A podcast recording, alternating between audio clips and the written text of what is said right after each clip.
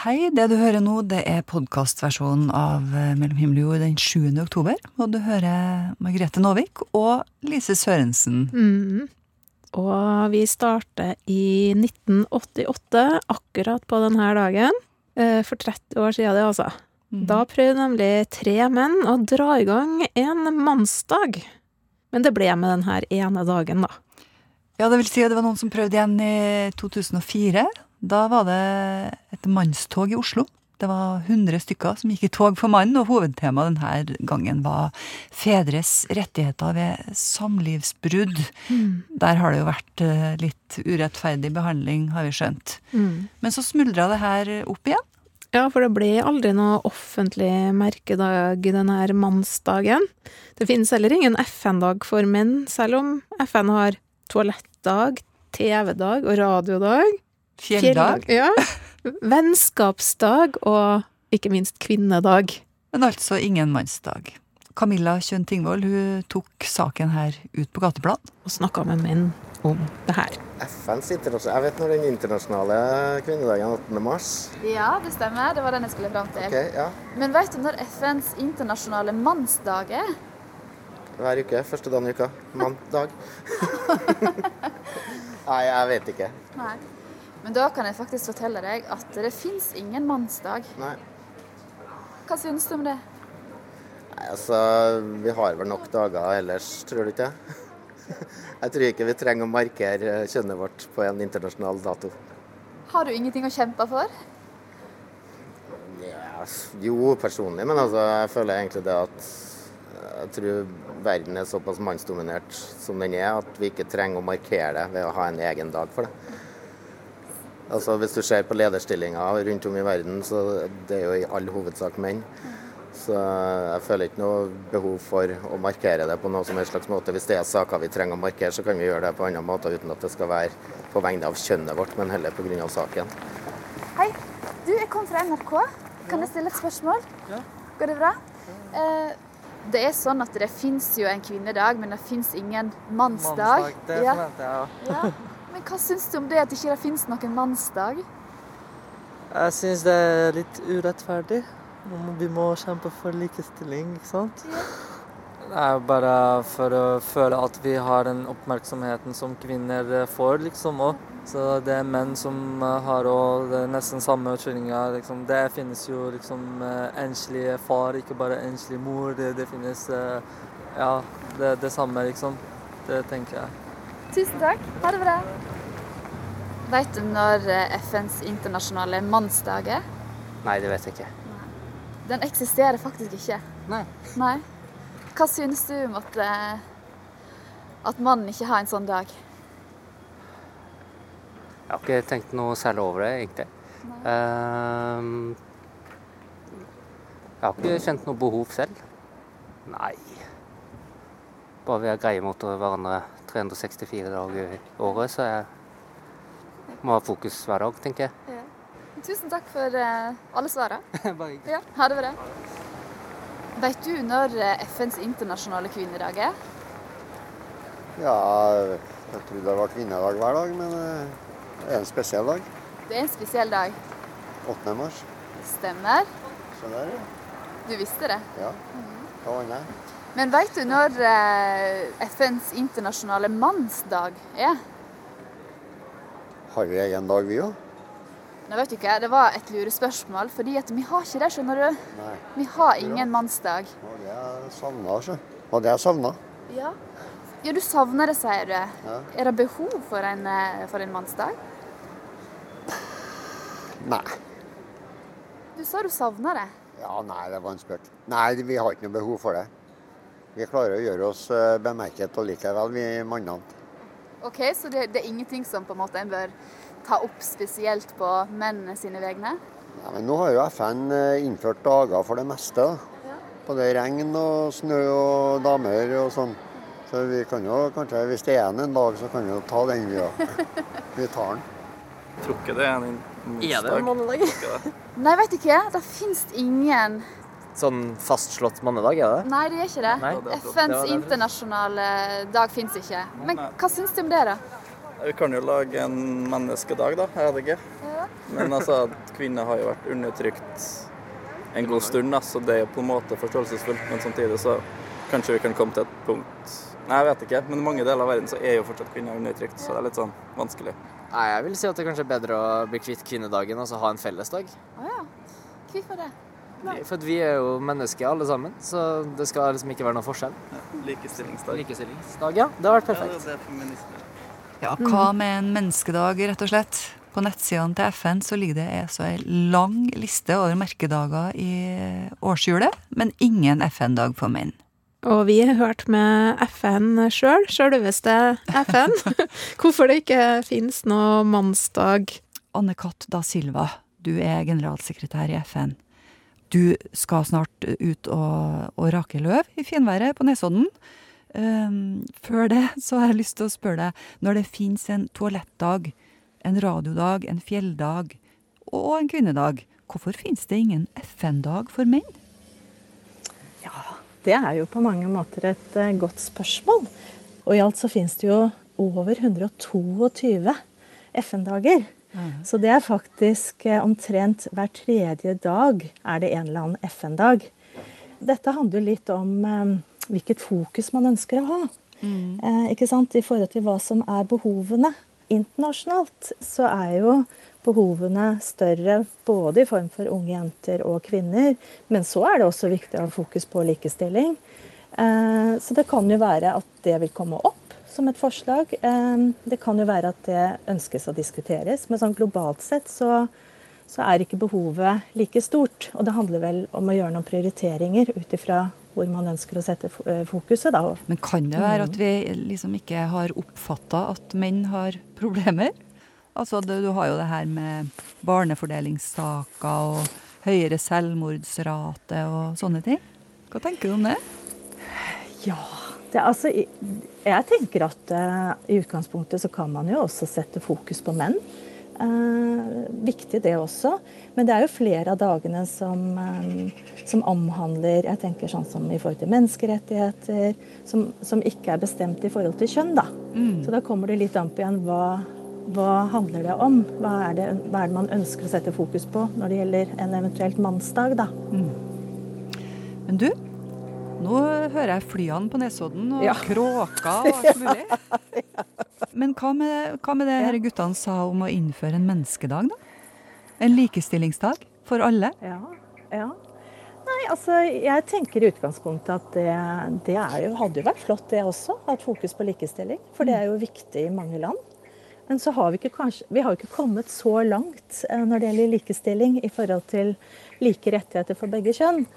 Eh, Men kanskje vi kommer dit at vi bør også sette søkelyset også på det. Ja, du kan se for deg det. da, men da, ja, men da tenker jeg det hadde jo egentlig vært kanskje også litt fint, da. Hvis vi hadde kommet dit hen også, tenker jeg. Eh, Men så langt så tror jeg nok det er mer å ta tak i når det gjelder å få like rettigheter i forhold til kvinner og menn, i forhold til kvinner og unge jenter, hvis du ser i et globalt perspektiv. Ja, Men du tenker den dagen vi kommer dit, det, da er det bra. Det hadde vært helt supert. Ja. Du, nå skal du få ta Ja. høstløyve, altså. Eh, ja, takk for det.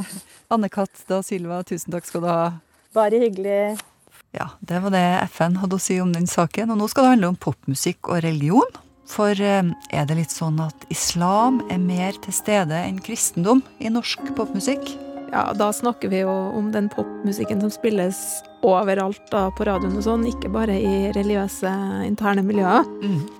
Og Øyvind Holen har du snakka med, han har kikka nærmere på hiphop-kulturen, og han sier det her. Gud er nok mye mindre sydlig enn Allah i, i norsk hiphop. Det er nok bare noe vi må, må innse. Og inn, i, i Norge så er det vel den som helt tydeligst har liksom rappet om religion og tatt det inn på, på, på radio og i mainstream-kulturen og vår bevissthet, er jo Magdi i Carpe Diem, som eh, snakker mye om sine tanker med å være muslim i, i Norge i dag den, den som hvor virkelig blir lagt merke til, er jo, er jo når, når i 2010, når, når eh, Karpe som første hiphop-gruppe i, i Norge topper VGs albumliste.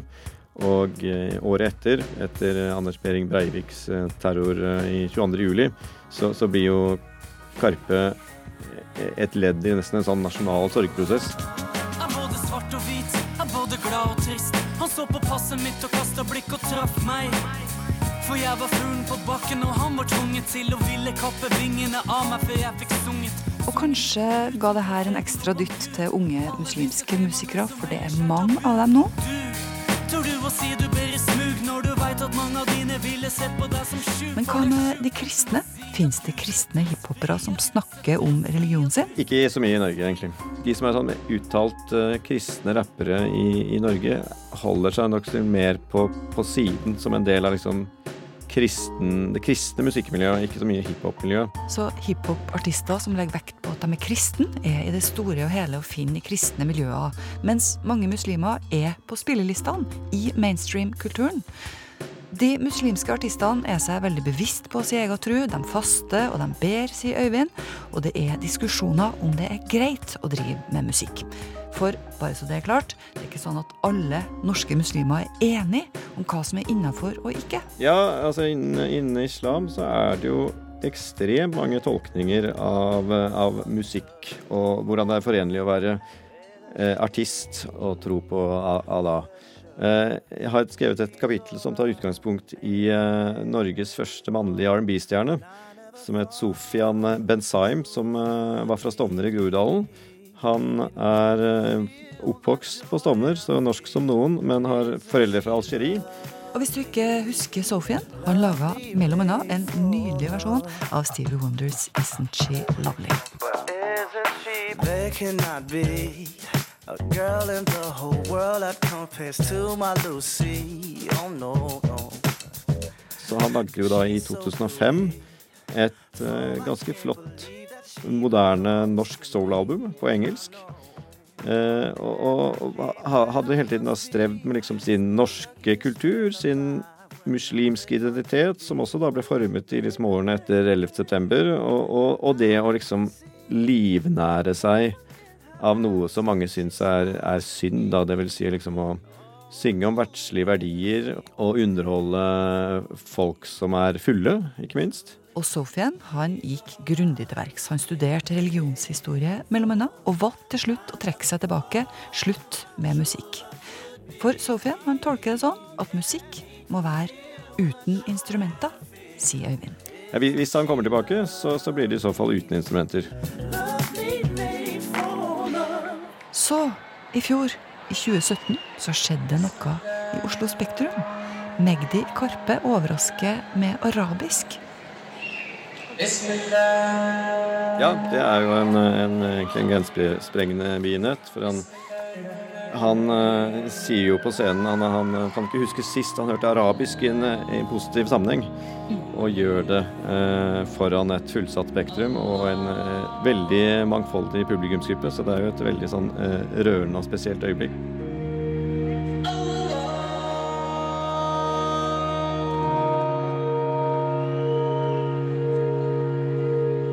Men det er altså stor forskjell på hvordan de muslimske artistene tolker islam, som sagt, og det sjøl om de tar religionen på djupt alvor. Som eh, Kave, eksempel. Det kan ikke gi det jeg gir, er ikke noe tvil. Jeg veit hva du liker, så ikke kast bort min tid. Jeg har flippet så mange, du veit når du har det. Jeg har lært meg å kjenne, jeg er en real motherfucker. Han, han, snakker jeg også med i boka. Han er jo norsk-iraner. Foreldrene hans flykta fra den islamske revolusjonen. Så det er mulig at han faktisk er litt mer troende enn foreldrene sine, men han er, han er, jo Hans målsetting er å prøve å liberalisere det å være muslim. Så han, han kunne åpent snakke om liksom sex og dop. Og han, mener rett og slett at mange liksom, han, han sier at mange faller i den sinte muslimboksen, for de må fornekte, fortrenge alle dilemmaene som da kommer opp med liksom være tro mot religionen og, og falle for fristelser som narkotika, alkohol og, og, og, sex. Så han vil liksom være et forbilde for det, som den, den sekulære muslimen omtrent, som er sånn, som er mer sånn norsk eh, syn på kristendom, f.eks. Og hiphop er ikke en subkultur lenger, det er ikke en undergrunnskultur, sier Øyvind Holen. i alle fall ikke her i landet. Hiphop er musikk som blir lista, her i NRK Radio f.eks.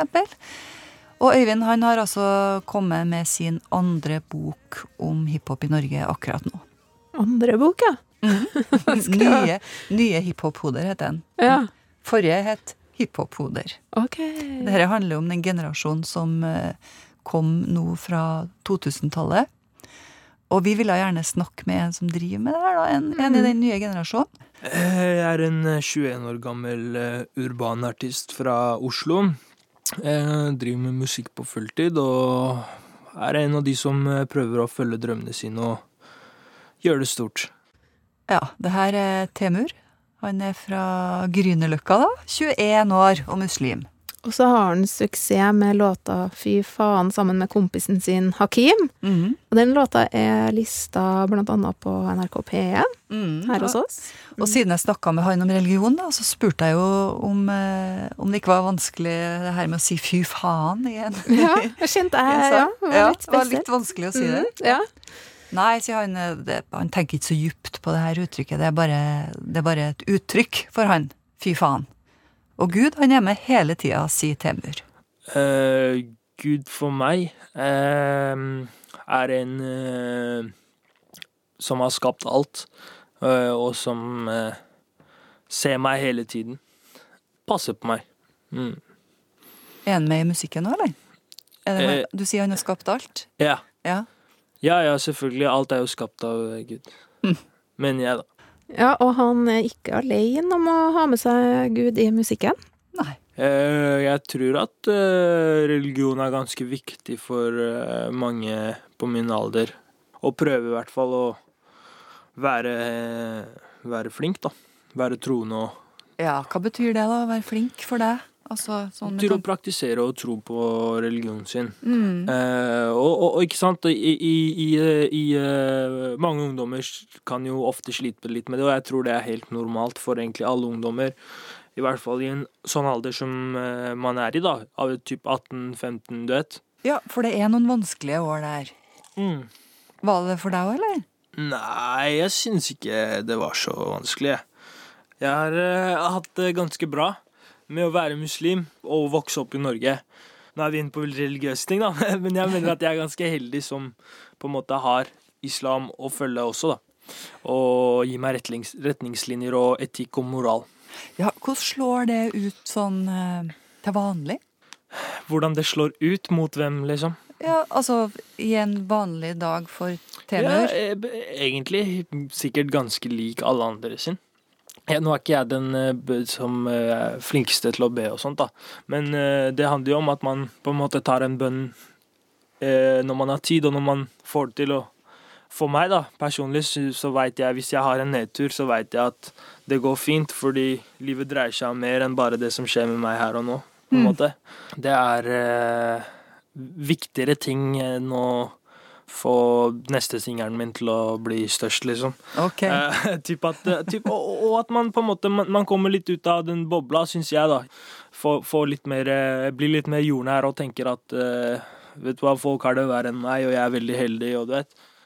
Jeg tenker at jeg er ganske heldig som uansett får være her og du vet, sitte her på P1 og snakke med deg. Så, og når det Og har fått en stor sang og er en musiker og lever av det, da. Kan du, Synger du om Gud? Eller synger du om eh, Ja? I fy faen. Nei, sånn generelt? Nei, eh, man kan jo eh, Nei, jeg tror ikke det. Jeg tror ikke jeg har noen tydelige referanser til religion, nei.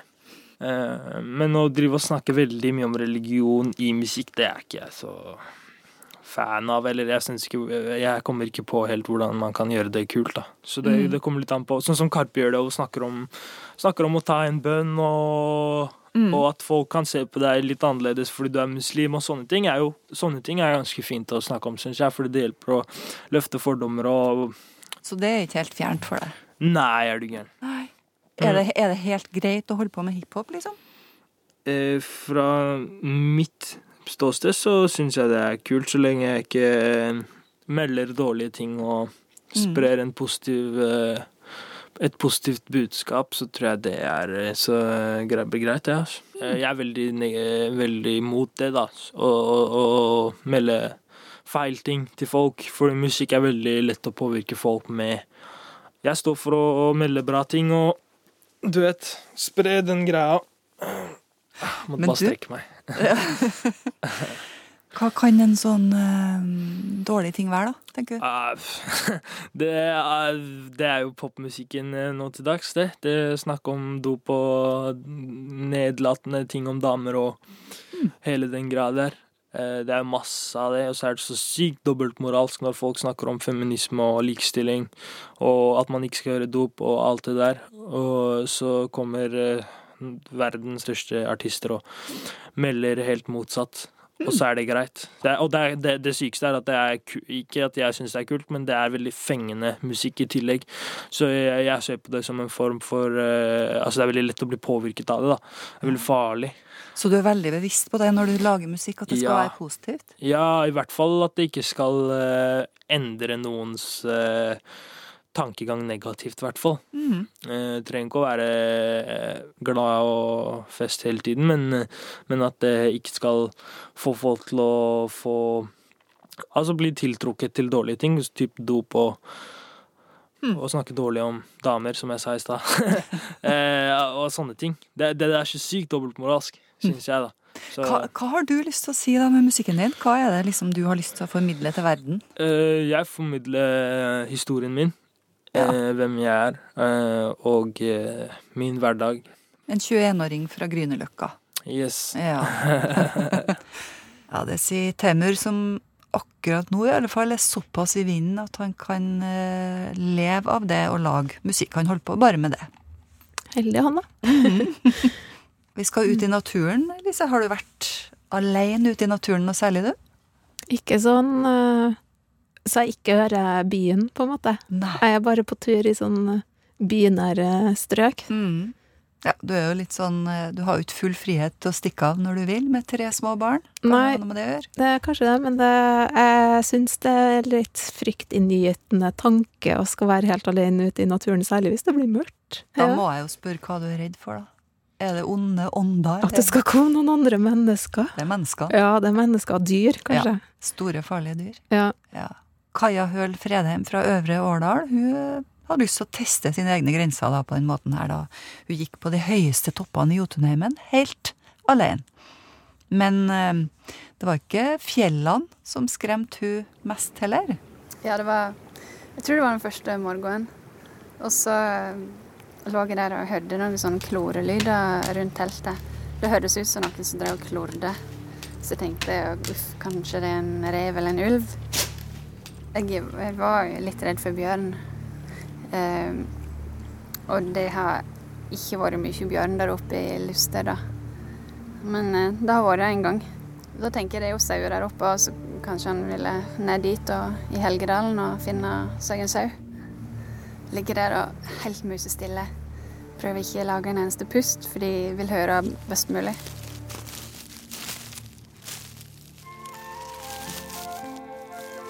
Etter hvert så forsto jeg at det, det var kun lyngen som hadde våkna til liv når sola traff lyngen. Så jeg lå i ei lyngtue, da.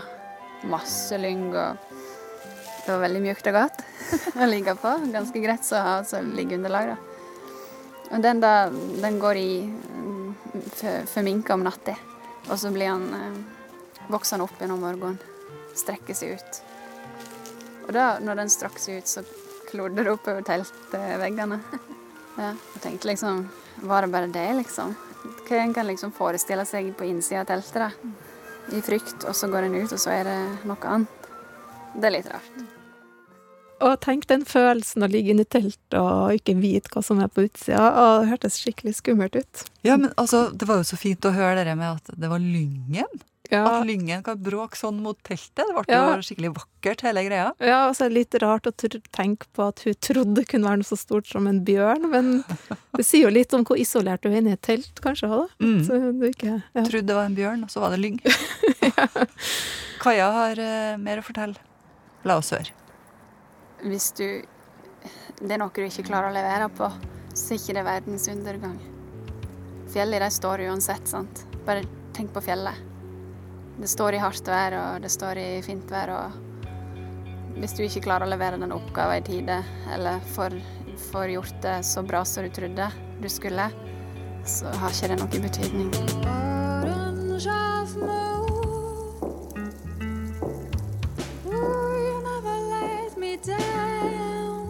Hun har begynt å slippe taket. Eller eh, sagt på en litt annen måte gi litt mer blaffen i negative hverdagstanker vi alle føler innimellom, som ikke fører til noen verdens ting. Hei, mitt navn er Kaja Høl Fredheim. Jeg er eh, musiker. Jeg går under navnet Kaja Høl. Og som vi hører i bakgrunnen her. Men eh, Kaja hun kan mer enn å synge. I eh, TV-serien Helt alene på NRK så eh, får vi bli med henne når hun pakker teltet og soveposen og setter kursen mot eh, de høyeste toppene i Jotunheimen, helt alene. Dette her er ikke ruta du skal spøke med. Nå er 27 år gamle Kaja tilbake igjen i heimbygda og eh, tar meg med på en tursti som eh, hun har gått mange ganger før. Jeg er på vei opp til Skarpenår i Øvre Årdal.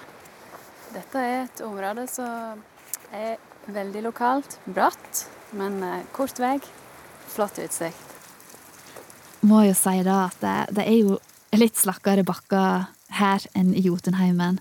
Men for Kaja så er naturen vakker uansett hvor hun går. For at 27-åringen sier at hun har lært så mye om seg sjøl blant eh, blomster, tre og lyng. Naturen har gang på gang hjulpet tilbake på rett spor, sier Kaja. Spesielt turen til Jotunheimen ga hun mye god energi. I det daglige så har en jo ofte kanskje bekymringer som kanskje kan bli litt sånn eh, små bagateller, da. Når en da kommer til stykket. Når en er ute i naturen, da har ikke det så stor betydning. Litt sånn relatert til musikken min òg, at dette kan hende jeg syns at det ikke er noe bra det jeg driver med å lage. Nei, dette her er bare helt på hodet. Kanskje jeg sitter og lager en tekst, og så tenker jeg nei, dette blir jo helt vilt. Mm. Og, og, det er fort liksom, hvis en tenker at én ting er dårlig, så skal ikke det så masse til før en syns en annen ting er dårlig òg. For det, det baller alltid på seg i den retningen en tenker. Det er liksom hardt å snu den skuta, og da skal en på en måte bare ta tiden til hjelp. En bør gå på tur. Det er kjempeviktig.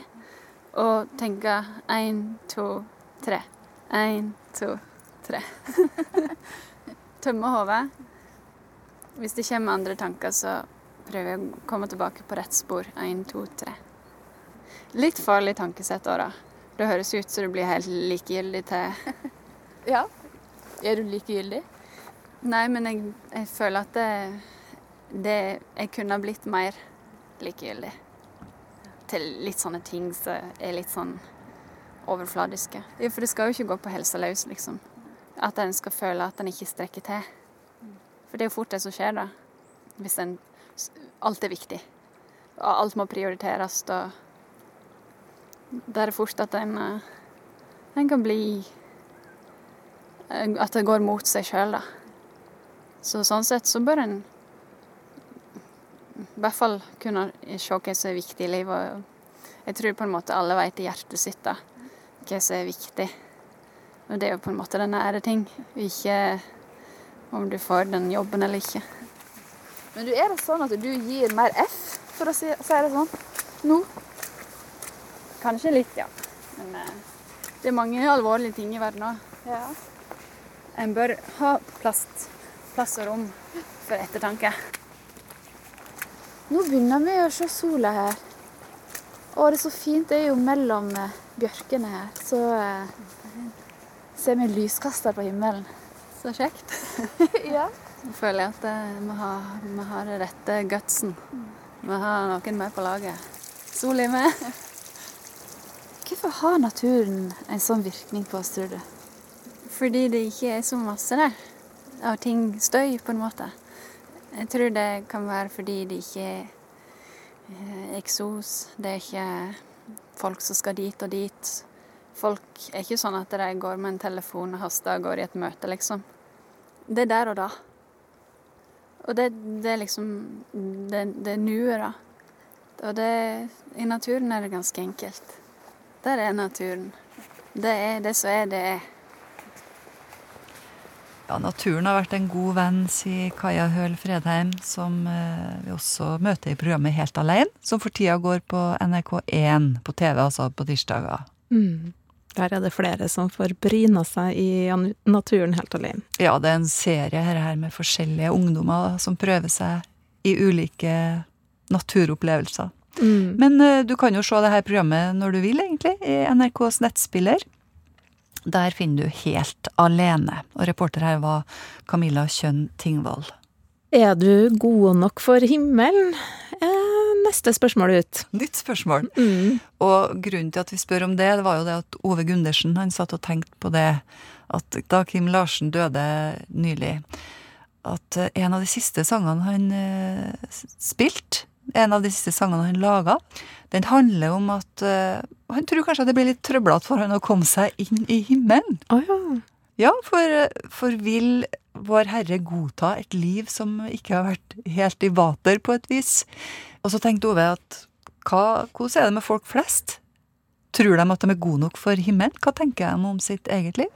Tenker du at du har levd et bra nok liv for en gang å møte ja, Sankt Peter? Ja, jeg tror kanskje jeg har gjort så godt jeg kan. Prøvd å være godt medmenneske. Du er ikke engstelig for at eh, du står der og så sier som Peter nei, men det var ikke godt nok? Nei, men har du gjort ditt beste, så kan du ikke gjøre bedre. Tror jeg. Hva tenker du da? Ja, det er det samme som kona sier, det. Jeg har eh, gjort mitt beste. Men er klart, man kan alltids eh, ta det litt lenger. Hva det blir, det må man tenke på, tror jeg. Så lenge man har eh, et godt ekteskap og man kan følge opp barna sine og passe på at de blir flotte mennesker, så har man gjort sitt, tror jeg. Men Tror du at livet ditt skal bli vurdert en gang, sånn på ordentlig? Det er strides til leide. Jeg føler vel at det er noe som er, er der. Noe som uh, passer på oss. Uh, det er noe der. Det er det. Men hva det er, det finner man vel ikke ut før det er eh, over. Hva tenker du om det? Er det noe der? Ja, jeg tror det er noe der. Jeg tror ikke vi lever her og så er det helt slutt. Men hva det er, det, der må jeg si meg enig med mannen min. Det ser vi den dagen. Det er over. Hvis du tenker på livet ditt, er det godt nok tenker du, for å møte eventuelt Sankt Peter? Jeg vil ikke møte Sankt Peter. Det er bare tøys og tull. Det er bare tull. Det er, det er overtro i høyeste grad. Så det, er- vi må slutte å tulle. Altså, livet er ikke sånn. Det er masse religioner i verden som da, som da bestemmer det her. Og får oss til å tro at det er noe liv etter døden, vi møter. Bare tull. Vi må ha et praksis her og Tenk på at vi dør, så dør vi. Det er basta. Hvordan kan du være så sikker på det, da? Det er ingen bevis for det her. Hele religion, alle religioner og det er det er jo masse dogma, og det er masse overtro. Tro og overtro. Så vi kan ikke ha det. Kunnskapen, vitenskapen har bevist mange mange ganger at det er bare tull. Mm. Tror ikke det finnes en Sankt Peter eh, Nei, nei, nei, bak nei, nei. vitenskapen nå? Nei, nei, nei. nei, nei. nei, nei. Tull og tøys. Det er bare tull. Ha det bra. Ha det bra. Takk skal du ha. Så du, ditt liv er bra nok for eventuelt å møte Eller komme til himmelen, for å si det sånn? Jeg vet ikke, jeg tror jo ikke på himmelen. Nei. nei, så det er liksom litt vanskelig å se for seg det. Men hvis du skulle ha tenkt at det var en himmel, da? Ja, og at en måtte være snill for å komme dit. Har du vært snill nok, tenker du? En kan jo alltid være snillere, men ah, Det er vanskelig å tenke hvordan Gud tenker det, men jeg tenker Jeg tror jeg hadde kommet til himmelen. Hvis du får lov å være litt personlig, så ser du veldig snill ut, da. Eh, Ja. Kanskje. Eh, Men jeg tenker at det er vel ingen som bare er 100% snill, og ingen som er 100% slem. Hvis en er godhjerta og gjør masse feil, så håper jeg at Eller jeg tror at den godhjertigheten, den kommer, den kommer igjennom. Det gode det slår gjennom til syvende og sist, da. Ja, det er det jeg tenker. Men en må jo gjøre litt feil innimellom. Sånn er det vel. Vel, når man til slutt vandrer, så er det jo greit å vandre i en form at man er godt brukt. Om det er noen ripper i lakken og noen bulker i skjermene, det får så være. Jeg tror det blir tålt. Tror du at det, det finnes en sånn eh, siste instans der ditt liv vil bli vurdert? Nei, jeg gjør nok egentlig ikke det. Men eh, det er jo en artig tanke. Tror du noe håp for Kim Larsen, da? Kim Larsen er det nok håp for. Han har gleda så mange mennesker, så det må veie opp for litt andre ting han kanskje ikke har gjort som er så bra. Ja, som du hørte, så syns de fleste at det livet de lever, er bra nok for himmelen.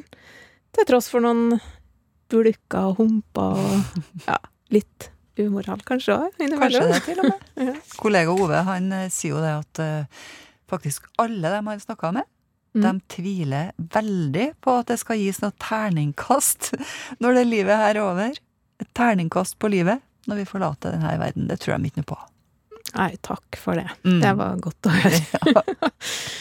Du, vi har snakka om eh, samarbeid og selvoppofrelse i naturen i høst. Flere søndager på rad. Og i dag så snakker biologen om en skapning som han er veldig fascinert av.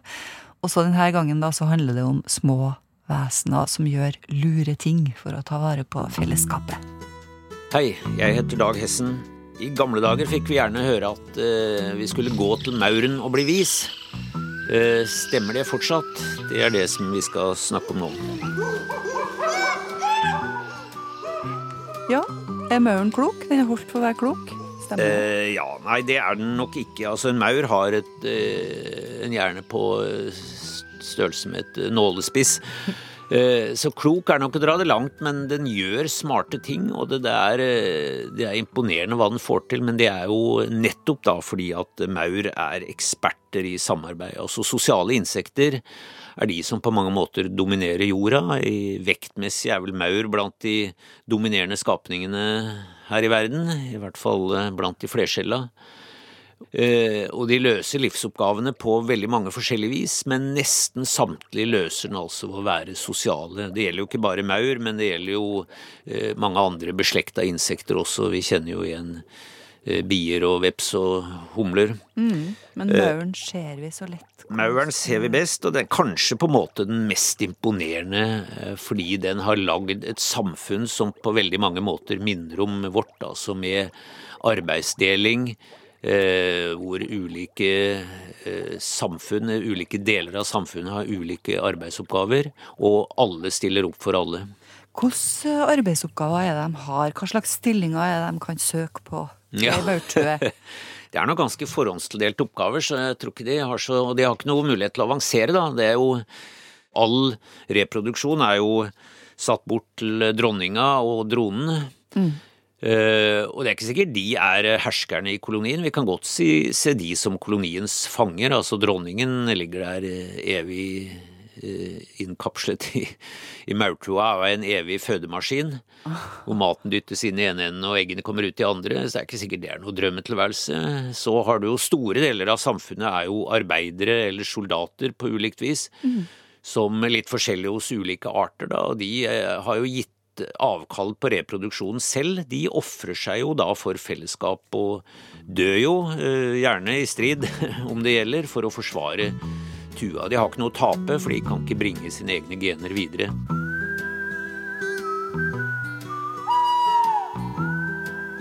Men altså, maur dominerer jo. altså Hvis du kommer i en regnskog, så er det på en måte mauren som er herskerne. Selv eh, leoparden flykter når det kommer en koloni hærmaur.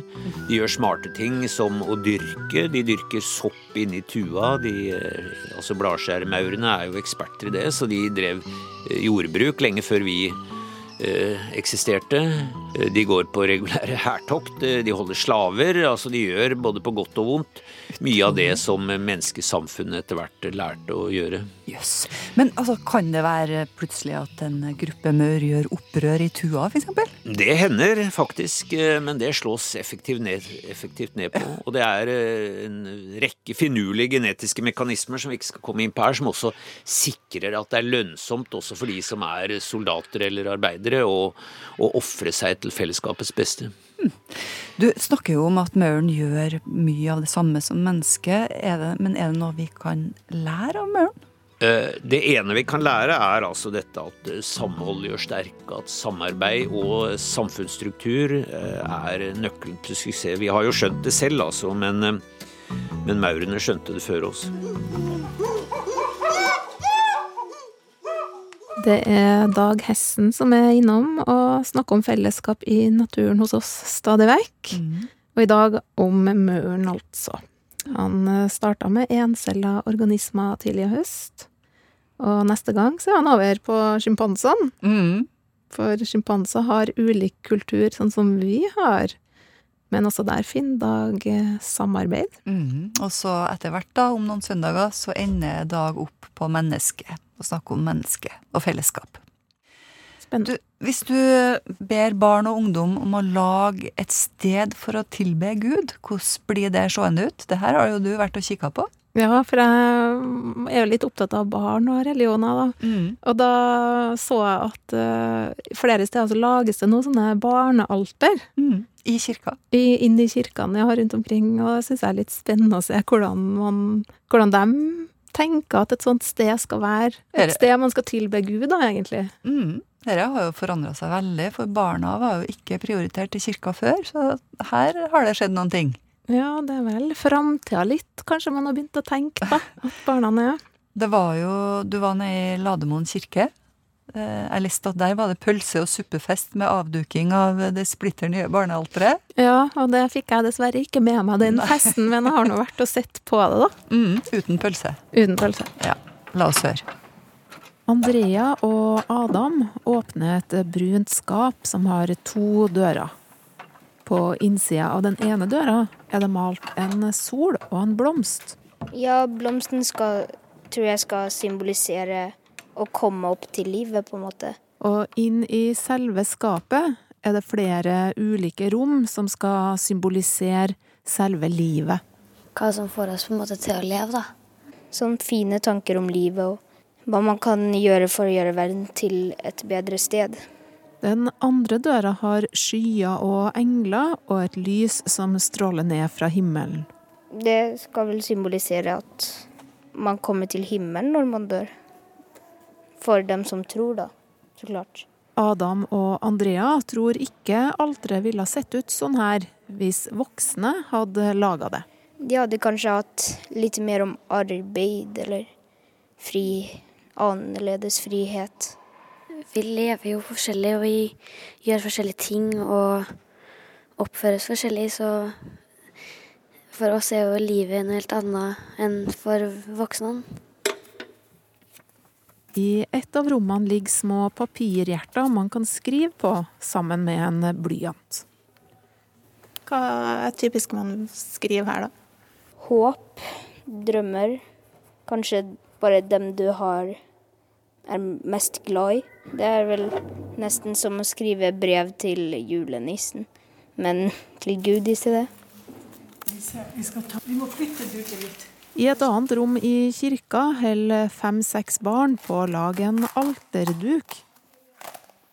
De maler kors på en liten plate og trykker det på et stykke stoff som ligger på et bord. Anna sine kors er inspirert av bølger og fisker. Når jeg kom inn i kirka i dag, så så jeg mange bilder av fisker, og da ble jeg litt inspirert. Hva tror du Jesus syns om eh, måten dere gjør det på? Jeg tror han syns det er fint at vi bruker fantasien.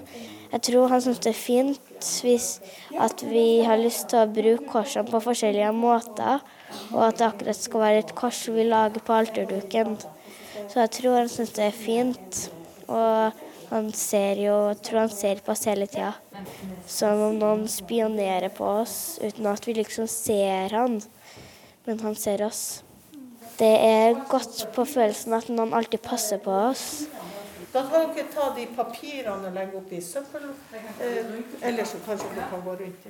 Barn blir inkludert mye i Lademoen kirke, fordi de er framtida for kirka, sier prest Stein Ellingard.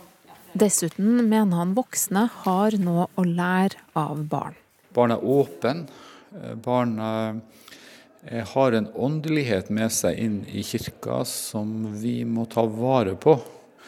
Eh, Mye av aktivitetene våre er veldig voksenfokusert. Og barn skal, skal tilpasse seg våre tanker og våre aktiviteter. Men her prøver vi å snu opp ned på ting, slik at vi prøver å se ting fra barnets perspektiv. Andrea tar ut en blå krakk fra alterskapet, som man kan sitte på hvis man vil bruke alteret. Hvis jeg har det vanskelig noen ganger, eh, Altså ikke alltid jeg har det vanskelig, men hvis det er noe, så pleier jeg noen ganger å bare Ikke akkurat be, men bare snakke litt til meg sjøl, men litt til Gud òg.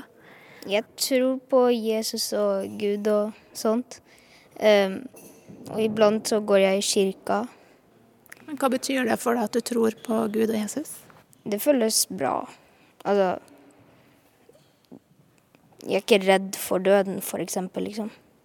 Jeg tar det som det kommer, og så går alt fint til slutt. Ja, alt går godt til slutt, sier Adam Harald Åke Alm her. Mm, ja, la oss håpe det. La oss håpe det. Og det her var faktisk eh, til slutt. Det var det her vi hadde i dag. Mm. Lise Sørensen og Margrethe Nåvik takker for at du hører på. Ha det, ha det. Ha det. Ha det.